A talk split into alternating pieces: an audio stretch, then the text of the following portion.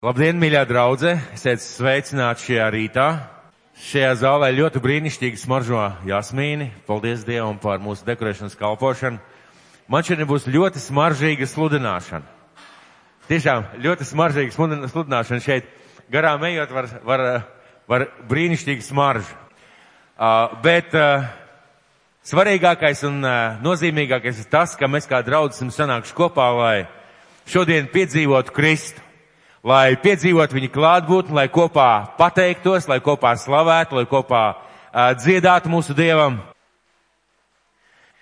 Es gribētu dalīties ar vārdu, kurš jau labu laiku ir uh, man sirdī, un kurš, kurš ir ļoti svarīgi tev jādzird. Ļoti svarīgi tev jādzird. Es pāris svētdienas atpakaļ sludināju par to, ka daudzi no mums ir kaut kādā bedrē iekšā. Un ka daudziem no mums ir kaut kādi jautājumi, kāpēc manā dzīvē notiek tā vai tā vai tā. Ka daudziem ir kādas lietas, ko viņi gribētu saņemt no Dieva, bet labu laiku un ilgāku laiku nespēja to saņemt. Un es gribētu runāt par iemesliem, kāpēc tā notiek.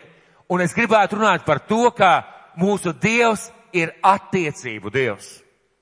Mūsu Dievs ir attiecību Dievs. Mūsu Dievs ir attiecību Dievs. Un es gribētu aicināt atšķirt visiem savus bībeles, paņemt savus pierakstus, un mēs runāsim par, runāsim par mūsu attiecībām ar Dievu. Un es zinu, ka es daudz dievkalpojums esmu par to runājis, un teicis, un mācījis, un skolojis, bet es atkal un atkal sajūtu vēlēšanos runāt par to. Kāpēc? Jo cilvēks atnāk un saka, mācītāji, man ir problēmas. Un tu pajautā vienkāršu lietu. Vai tev ir laiks ar Dievu? Nē, man nav īsta laika. Man tā īsti nesanāk, man tā nēr. Tas nozīmē, ka cilvēks atnāk pēc palīdzības, bet tas, pie kā viņam vajadzētu iet pēc palīdzības, pie tā viņš neiet. Mūsu mīļotā debes tēva valstībā ir daudz svarīgu, dziļu, brīnišķīgu vērtību. Dieva valstībā ir daudz svarīgu, ļoti vērtīgu, dziļu un brīnišķīgu vērtību. Ārkārtīgi daudz. Divu valstību varbūt nevar tā redzēt, bet mēs sajūtam, kā viņi izpaužās, un mēs zinām, kā viņi zināmā mērā darbojās. Kāpēc? Jo Dievs ir visgudrākais, Dievs ir vislabākais, Dievs ir vismīlošākais, vissvētījošākais. Dievs ir tas, kurš valda pār šo zemi, un eh, šīs svētības ir glābšana, piedošana, atbrīvošana, dziedināšana, svētības, eh, dažādas lietas, gudrība, palīdzība, vēl, vēl un vēl un vēl. Mēs daudz, daudz par šo varam runāt. Bet ir kāda vērtība. Ir kāda vērtība, kas ir visu vērtību sākums. Ir kāda vērtība, kas ir visu eh, svētību pamats. Ir kāda vērtība, kas ir visa avots, ja tā varētu teikt. Un parasti mēs sakam Dievs. Parasti mēs sakam Dievs un ar to tā reliģiozi izējām no šīm te, šī jautājuma. Šī ir vērtība, par kuru nekad nedrīkst, nevar un nekad nevajadzētu beigt runāt Kristus draudzē, Kristus miesā, par kuru mums nevajadzētu pārstāt domāt, domāt, skubināt vienam otru, mudināt vienam otru. Tas ir mūsu personīgās attiecības ar Dievu. Tas ir mūsu personīgās attiecības ar Dievu. Un vārds, ar kuras dalīšos, mūsu Dievs ir attiecību Dievs. Mūsu Dievs ir attiecības Dievs. Vai esat kādreiz domājuši, ka mūsu Dievs ir attiecības Dievs? Vai ir kādreiz tā ienācis padomāt, ka, ka Viņš visu brīnišķīgo, visu labo, visu svētīgo, visu to, kas mums tik ļoti ir vajadzīgs, Viņš dara attiecību dēļ un caur attiecībām. Viņš to dara attiecību dēļ un caur attiecībām. Un tiem cilvēkiem, kuriem nav attiecības ar Dievu, jā, Dievs ir klāt, Dieva svētais gars runā uz šo cilvēku.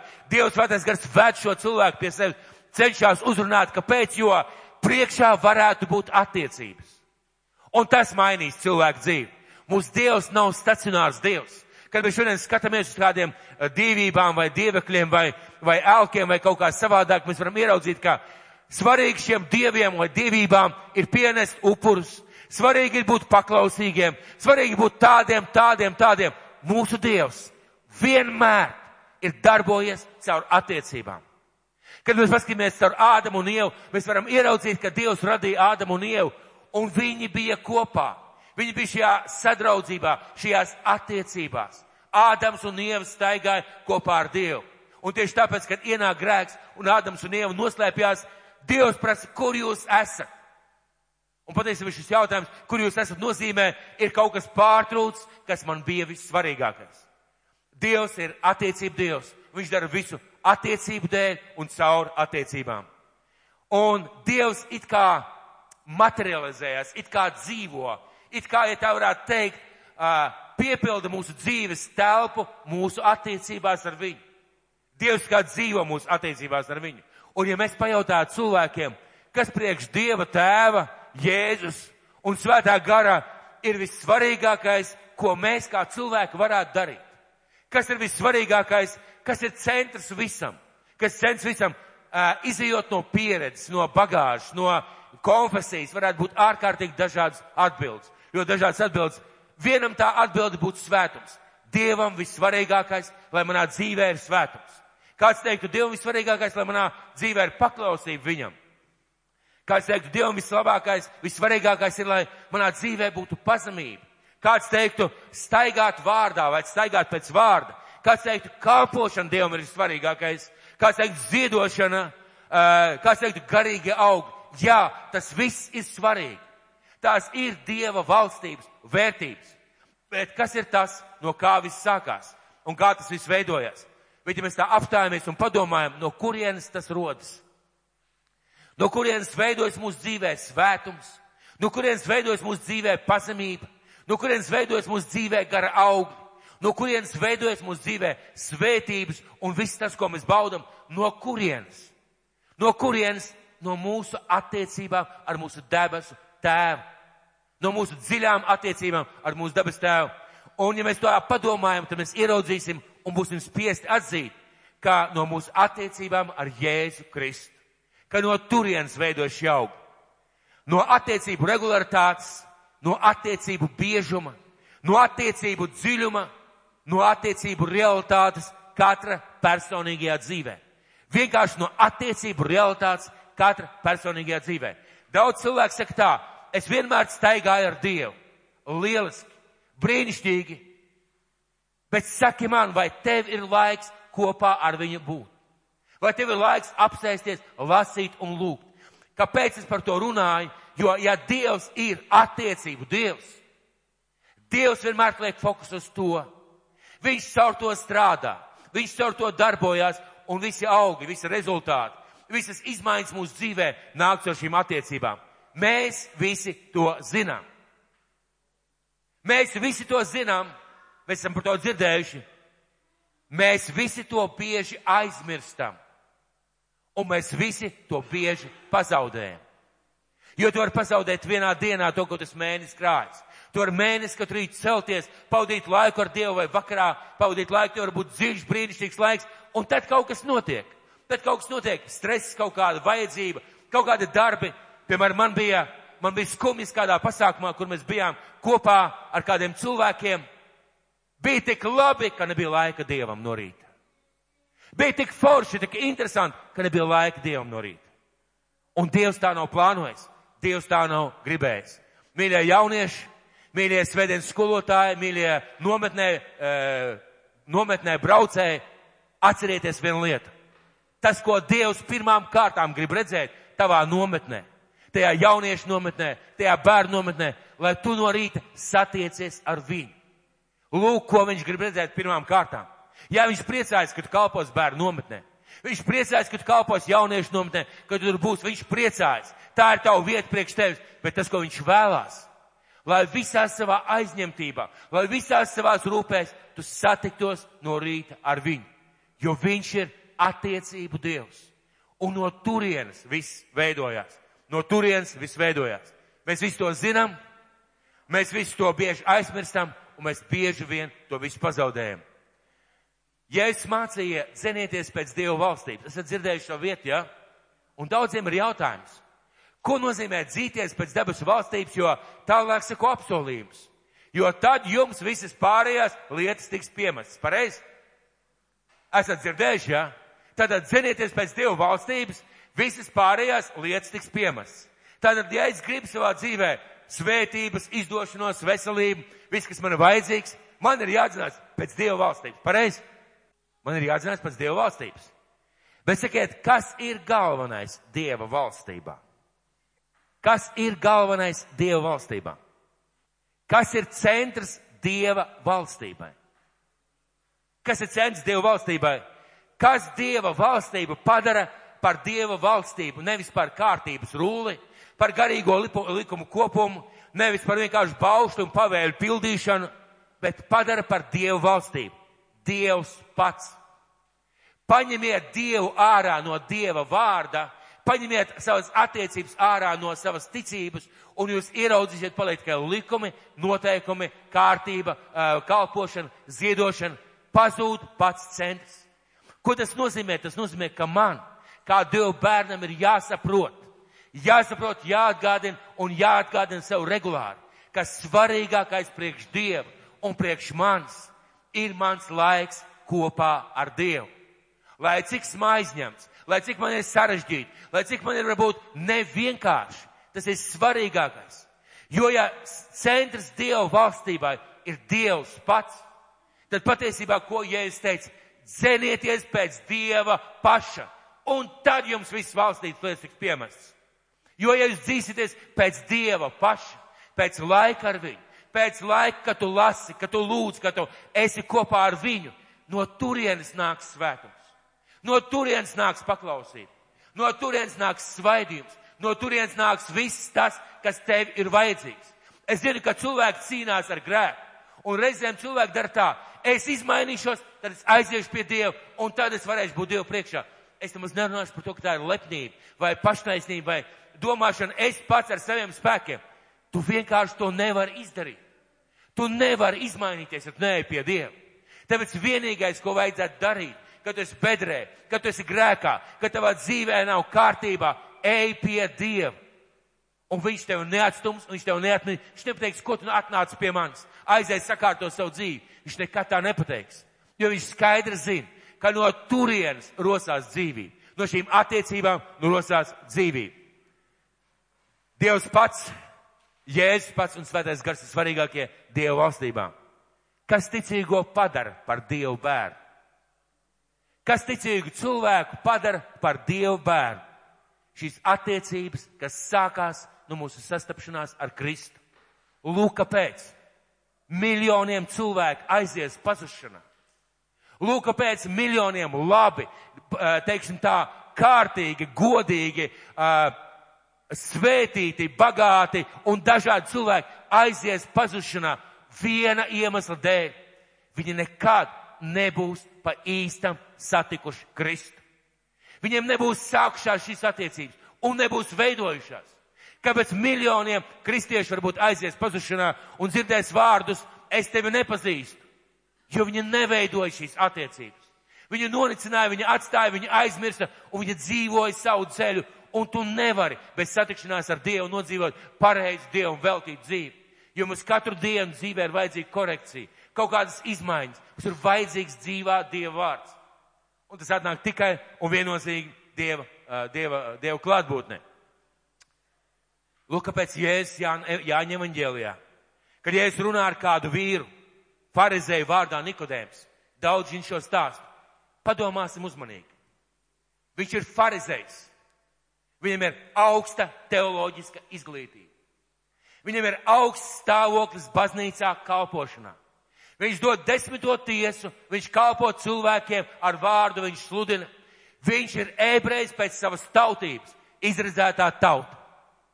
Un viņš atnāk pie iesaka, mācītāji, neviens nevar darīt tādas lietas, kā tu dari. Es saprotu, ka tu esi no Dieva. Un es viņam pasaku vārdus, ja es atbildēju viņam sacīju, patiesi, patiesi es tev saku, ja kas nepiedzims no jauna, tas nespēja redzēt Dieva valstību. Jaunais tulkojums. Vecajā tam neredzēt Dievu valstību. Iedomājies, iedomājies sevi, tu esi baznīcā 20 gadus. Tu esi ziedojis par šiem 20 gadiem kaudzi naudas. Tu esi par šiem 20 gadiem daudzkārt dzirdējis vārdus, prediķus. Tu esi kāds lasījis bībeli, tu esi gājis uz baznīcu, tu esi daudz ko darījis. Un Dievs saka, ja tu nesastopi Kristu vienreiz personīgi, Un ja tu neveido šīs attiecības regulāri visu šo 20 gadu laikā, neredzēt tev Dieva valstību. Neredzēt, vai tu vari pazaudēt Dieva valstību. Kāpēc Jēzus teica, daudz ir aicināto, maz izredzēto? Vai viņš maz gribēja izredzēt? Viņš jau nākotnē pravietiski redzēja, ka daudzi cilvēki pat piedzīvos viņu. It kā būs viņa cilvēki, it kā būs viņa baznīcā, bet viņa nedzīvos kopā ar Kristu. Viņa novērsīs, viņa dzīvos savu dzīvi. Kā rezultātā viņa var dzirdēt vārdus, ej nos no manis, es tevi nekad neesmu pazemis. Tāpēc, mīļie draugi, tas ir tik svarīgi, tik aktuāli svarīgi.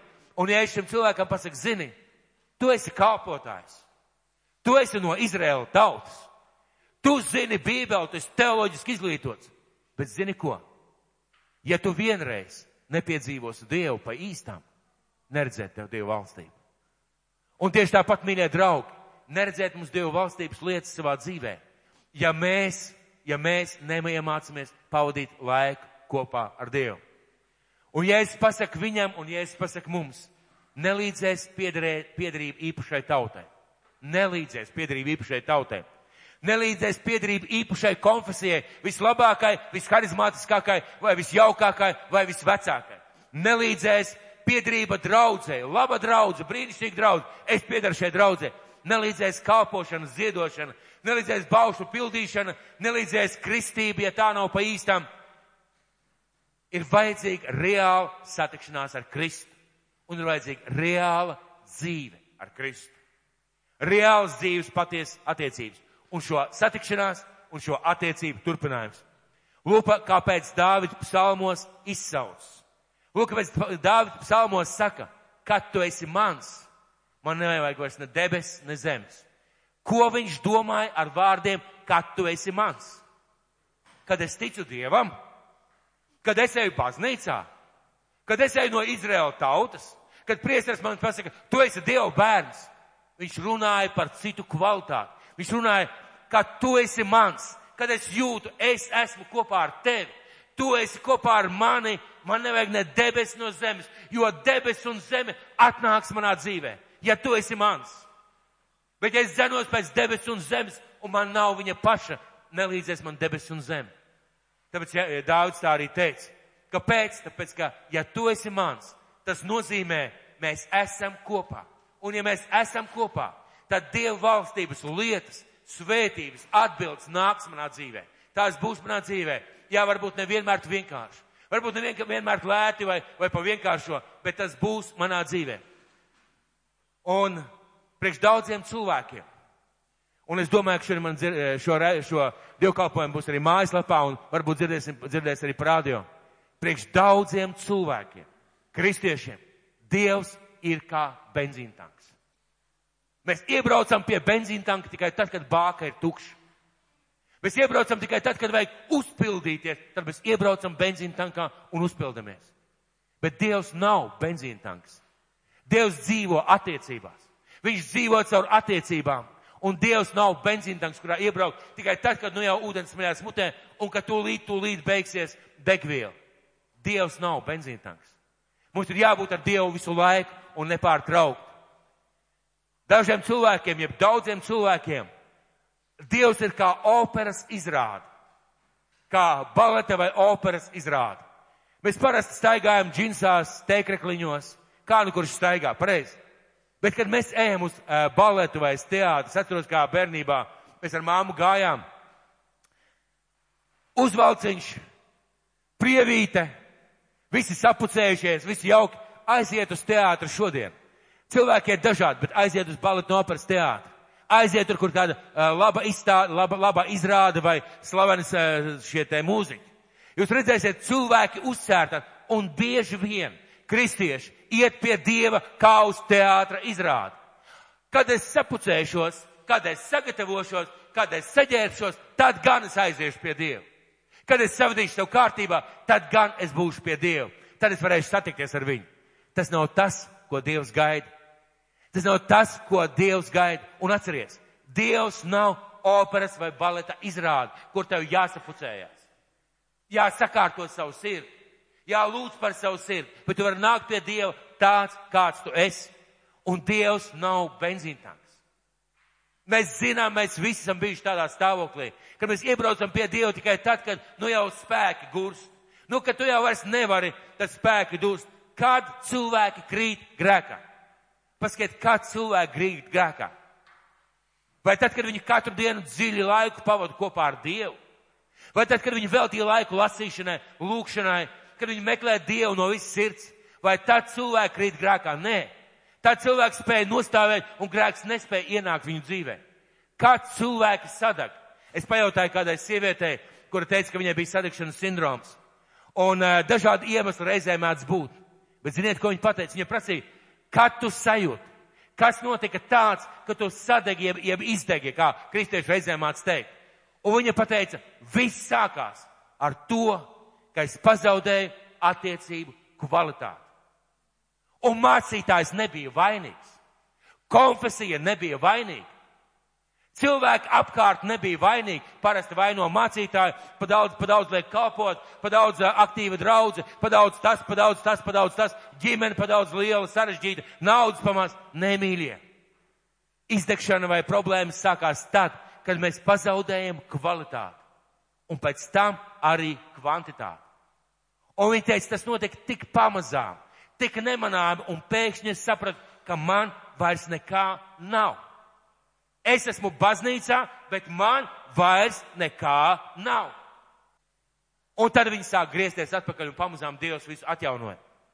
Tātad, ko mēs paņemsim līdzi, kad mēs aiziesim mūžībā?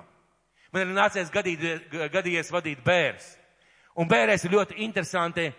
Manuprāt, bērns ir tā vieta, kur perfekti piepildās tas vārds, ko Jēzus teica par četrām augsnēm perfekti piepildās tas vārds, ko Jēzus teica par četrām augstnēm.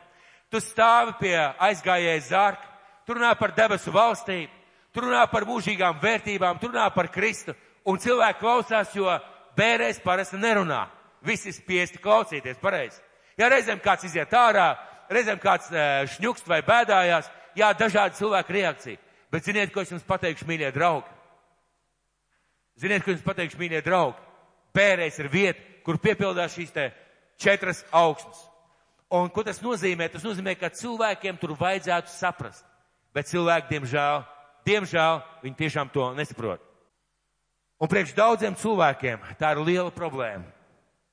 Dievs mūsu dzīvē, Dievs mūsos dzīvo, ja tā varētu teikt, caur mūsu attiecībām.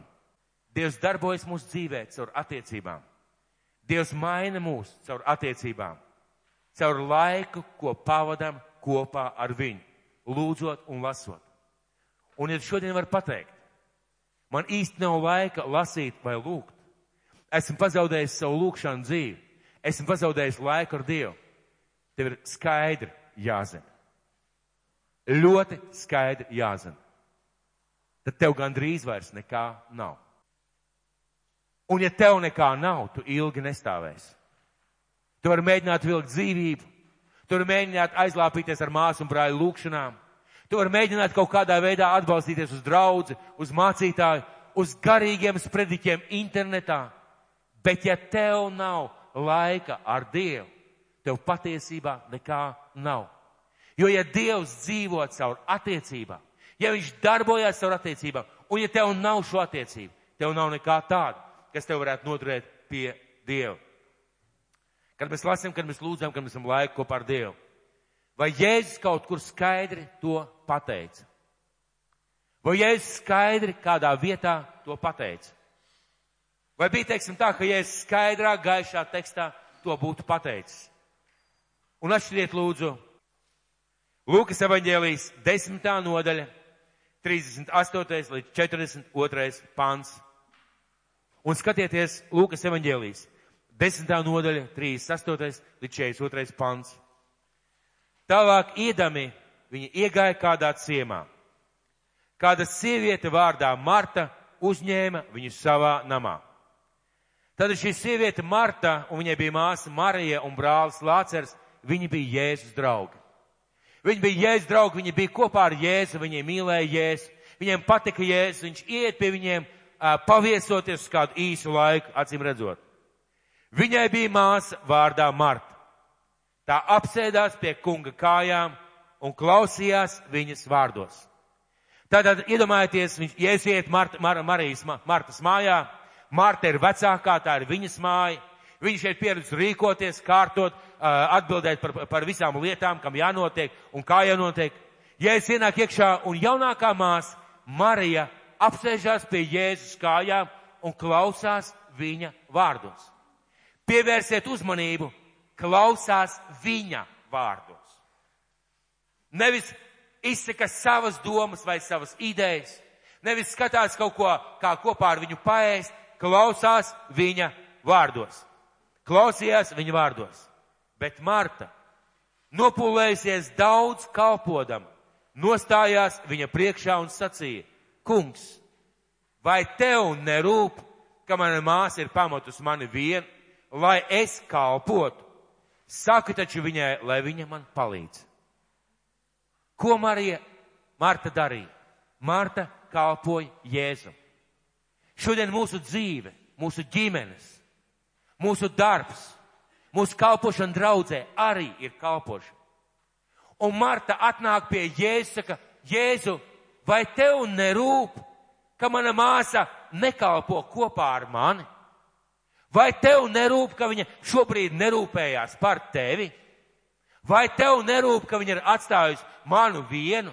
Viņa atnāk pie Jēzus un viņa zināmā mērā sūdzās, un tas, ko viņa pasaka ar saviem vārdiem, Jēzu, Tu taču man piekritīsi, ka kalpot tev ir svarīgāk nekā pavadīt laiku kopā ar tevi, vai ne? Un tāpēc pasaka manai māsai Marijai, lai viņa žigli nāk uz virtu. Kungs viņai atbildēja, Marta, Marta, tu par daudz ko esi norūpējusies un satraukusies. Par ko viņa bija norūpējusies? Par kalpošanu. Viņa bija norūpējusies par kalpošanu.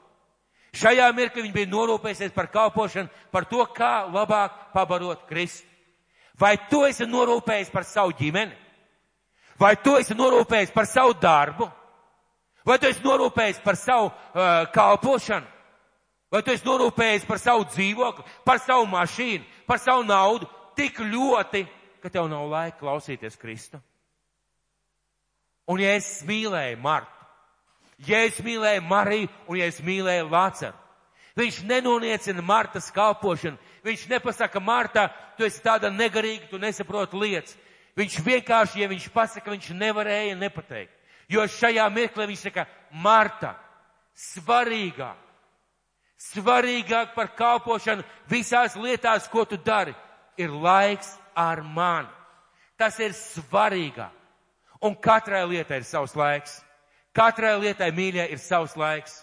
Savs laiks ir kalpošanai, savs laiks ir ģimenei, savs laiks ir darbam, savs laiks, bet ir jābūt laikam kopā ar Kristu. Ir jābūt šim laikam. Un lūk, ko viņš saka tālāk.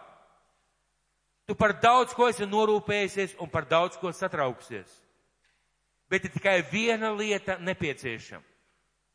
Iedomājieties, Jēzus, Dieva dēls Jēzus Dieva dēls, kurš pazīst visus garīgos likumus, kurš ir tūkstošiem gadu laikā skatījies uz miljoniem cilvēku dzīvēm, kuram ir tāda pieredze, ka viņš zina atbildes uz visiem jautājumiem, ir redzējis visas nianses, redzējis visus sīkumus.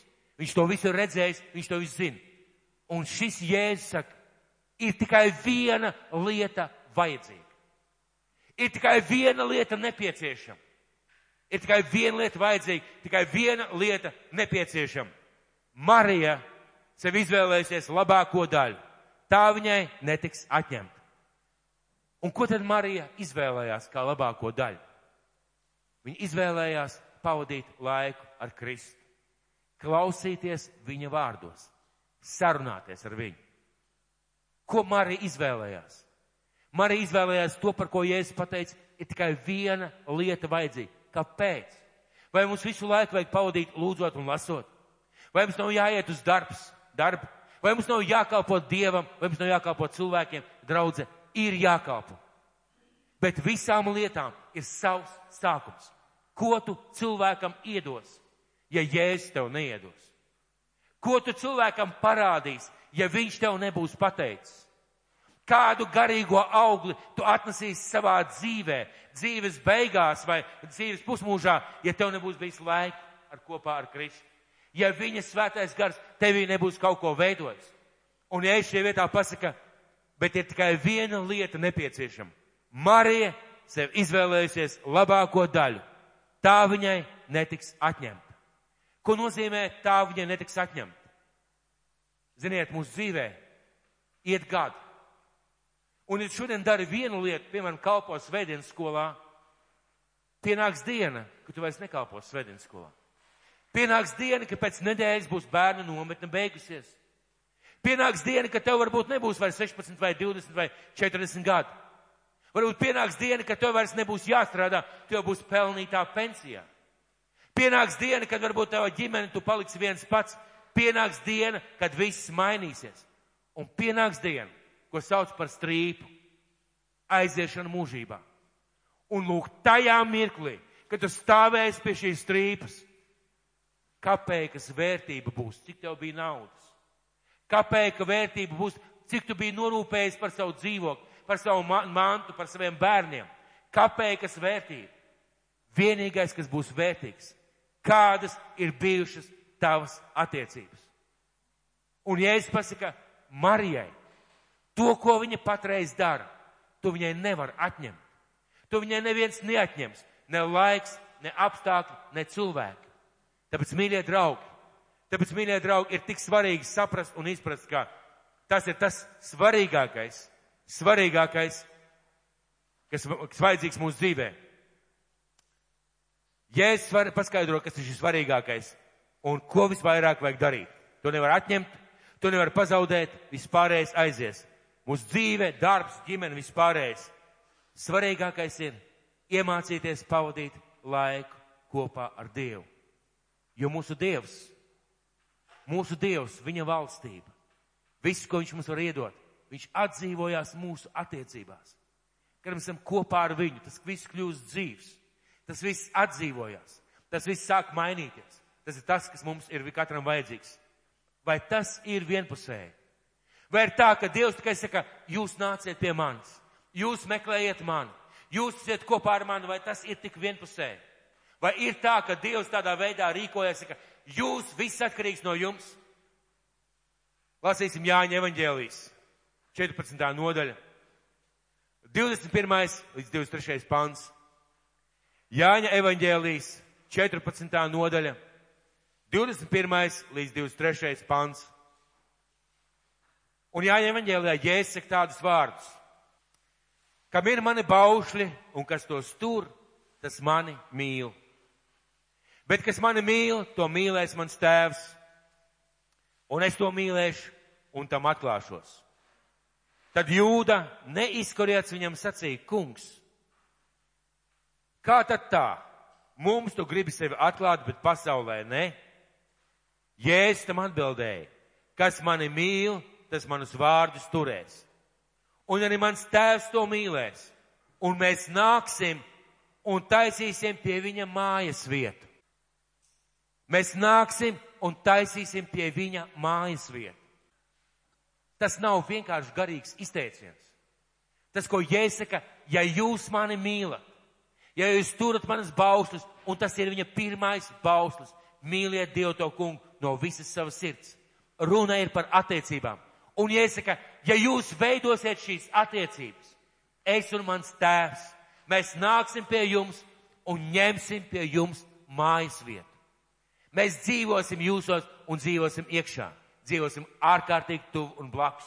Tas ir tas, kas mums visiem ir vajadzīgs. Tas ir tas, ko mēs pazaudējam, tas ir bieži vien tas, ko mēs nepazīstam vai palaižam garām. Ņemsim mājas vietu, būsim ļoti tuvu. Attiecībās, jo tas ļauj Un kāds ir rezultāts? Kāds ir rezultāts šīm attiecībām? Kāds ir rezultāts, ja tu pavadi laiku kopā ar Dievu? Mēs daudzkārt esam to domājuši un runājuši. Bet es šodien gribētu runāt, parunāt par diviem vīriem. Par diviem vīriem, kuriem bija tik ļoti svarīgi, lai Dievs būtu ar viņiem. Un nevis vienkārši kaut kur debesīs. Nevis vienkārši kaut kur baznīcā. Nevis vienkārši kādā mācītājas predikī, bet kuriem bija Dievs ļoti tuvu vajadzīgs, personīgi. Tas ir Jozovā un tas ir Mūzes. Un pirmā Jozovā grāmatas pirmā nodaļa rakstīs tādu vārdu. Vai es tev nepavēlēju būt stipram un sīkstam, nebīties un nebaiļoties, jo kungs tavs dievs ir kopā ar tevi, lai kurp tu iet. Kā jūs to redzat? Kā jūs redzat šo vietu? Dievs saka vienkārši, ej, es būšu ar tevi. Es personīgi redzu, ka Dievs saka, zini, Jozua, tu būsi šeit, un es būšu tev blakus. Tu iesi, es iešu tev blakus. Tu darīsi, es būšu kopā ar tevi. Tu iesi kaujā, es stāvēšu tev klāt. Es palīdzēšu tev vicināt zobanu. Es būšu tev blakus. Un Dievs saka, Jozo, vai tad es tev neteicu, es stiprs un drošs, jo tev ir jāzina. Es nevis vienkārši esmu kopā ar tevi, kā kristiešiem reizēm mēdz gadīties. Dievs ir ar mani. Bet Dievs šeit saka, es esmu tev blakus. Burtiski blakus. Es esmu burtiski blakus. Un mēs zinām, ka Jozua ieved tautu apsolītajā zemē, lai cik es likā bija neiespējami. Parunāsim par Mūzu, kurš izveda tautu no Eģiptes zemes. Un 3.3. nodaļā mēs varam lasīt tādus vārdus. Un tas kungs runāja ar Mūzu vaigu vaigā, kā mēdz runāt ar savu tuvāko. Tad viņš atgriezās nometnē. Un tas kungs runāja vaigu vaigā ar Mūzu, kā mēdz runāt ar savu tuvāko. Ko tas nozīmē? Mūzis bija tik tuvu Dievam ne tāpēc, ka viņš bija īpaši izredzēts. Jā, viņam bija īpaši aicinājums. Bet tāpēc, ka tā bija viņa izvēle. Tāpēc, ka viņš gāja uz šo telpu. Tāpēc, ka viņš izbūvēja šo telpu. Tāpēc, ka viņš meklēja Dievu. Dievs bija viņam blakus. Mīļie, un tas, par ko mēs gribam runāt šodien, un tas, ko es jums gribu pateikt, ja mums ir šīs regulārās, dziļās attiecības, kurās mēs augam un attīstamies. Mums ir viss, jo Dievs nav salvecīgs. Dievs nav benzīntanks. Dievs nav operetas teātris. Dievs ir personība, kas ilgojās un kas strādā, kas dzīvo mūsu attiecībās ar viņu. Un ja tev nav šo regulāro dziļo attiecību, tev nav nekā. Tu esi pliks un nabaks. Un ir tikai jautājums, kad tu kritīsi. Ir tikai jautājums, kad tu izdegsi. Ir tikai jautājums, kā tu nobeigsi savu dzīvi, kā nabaks, pliks un akls. Ir tikai jautājums. Tāpēc, mīļie draugi, tas, ko es šodien gribētu jums pateikt, Dievs ir attiecība Dievs. Un Viņš grib dzīvot tavās attiecībās. Viņš grib uzrunāt tevi personiski. Viņš grib atklāties tev personiski. Viņš grib iedrošināt tevi personiski. Dievs ir attiecība Dievs. Un ja tu to esi pazaudējis, ja tu to esi pazaudējis, griezies pie viņa atpakaļ. Vienkārši. Pasaki daudz, kam varbūt nē, bet sāc pavadīt laiku kopā ar Dievu. Un lai nav tik daudz naudas. Un varbūt, lai nav tik daudz tā miedziņa. Un varbūt, lai tu neesi tik atpūties. Bet pats pavadīt laiku kopā ar Dievu. Un ko es jums gribētu pateikt, mīļie? šī cīņa mums būs visu mūžu. Bet viņš ir apsolījis. Ja tu būsi kopā ar mani, es būšu kopā ar tevi. Viņš ir apsolījis. Tāpēc, mīļie draugi, ja kāds ir pazaudējis, griezīsimies atpakaļ. Ja kādam ir pamazām izplēnējušas šīs attiecības, griezieties atpakaļ. Ja kādam vēl nav izveidojušās šīs attiecības, sāciet veidot jo nav cita pamata. Un slavu Dievu par to, ka Viņš pirmais ir mūs mīlējis, ka Viņš pirmais nācis pie mums, ka Viņš pirmais aicina mūs. Un tas ir tas, pēc kā ilgojās viņa sirds. Dabas valstībā ir daudz vērtību un daudz svētību. Bet ir viena vērtība, kas ir svarīgāka par visām. Tavas un manas personīgās attiecības ar Dievu. Un nepalīdz konfesija, nepalīdz laba vai slikta draudza, nepalīdz brīnišķīgi vai nebrīnišķīgi dievkalpojumi, jā, Dievs darbojās. Bet sākās viss, kad tu sāc ar viņu satikties. Un no turienes rosās dzīvība. Lai Dievs jūs svētī šajā vasarā. Lai Dievs svētī tos, kuriem ir atvaļinājums. Un ļoti iespējams, ka varbūt tieši atvaļinājumā ir iespēja pateikt nē rūpēm, zūdībām, visām pārējām lietām. Ir iespēja pateikt, Dievs, no šīs dienas es sākšu pavadīt laiku kopā ar tevi. Un tiem, kuriem ir šis laiks, tiem, kuriem ir šīs attiecības, turieties pie tā. Turieties pie tā, veidojiet to, dzīvojiet tajā, audziet tajā, ejiet dziļumā, dziļumā tajā. Un tas ir tas, kas mums visvairāk ir vajadzīgs. Lai Dievs mūs visus svētī.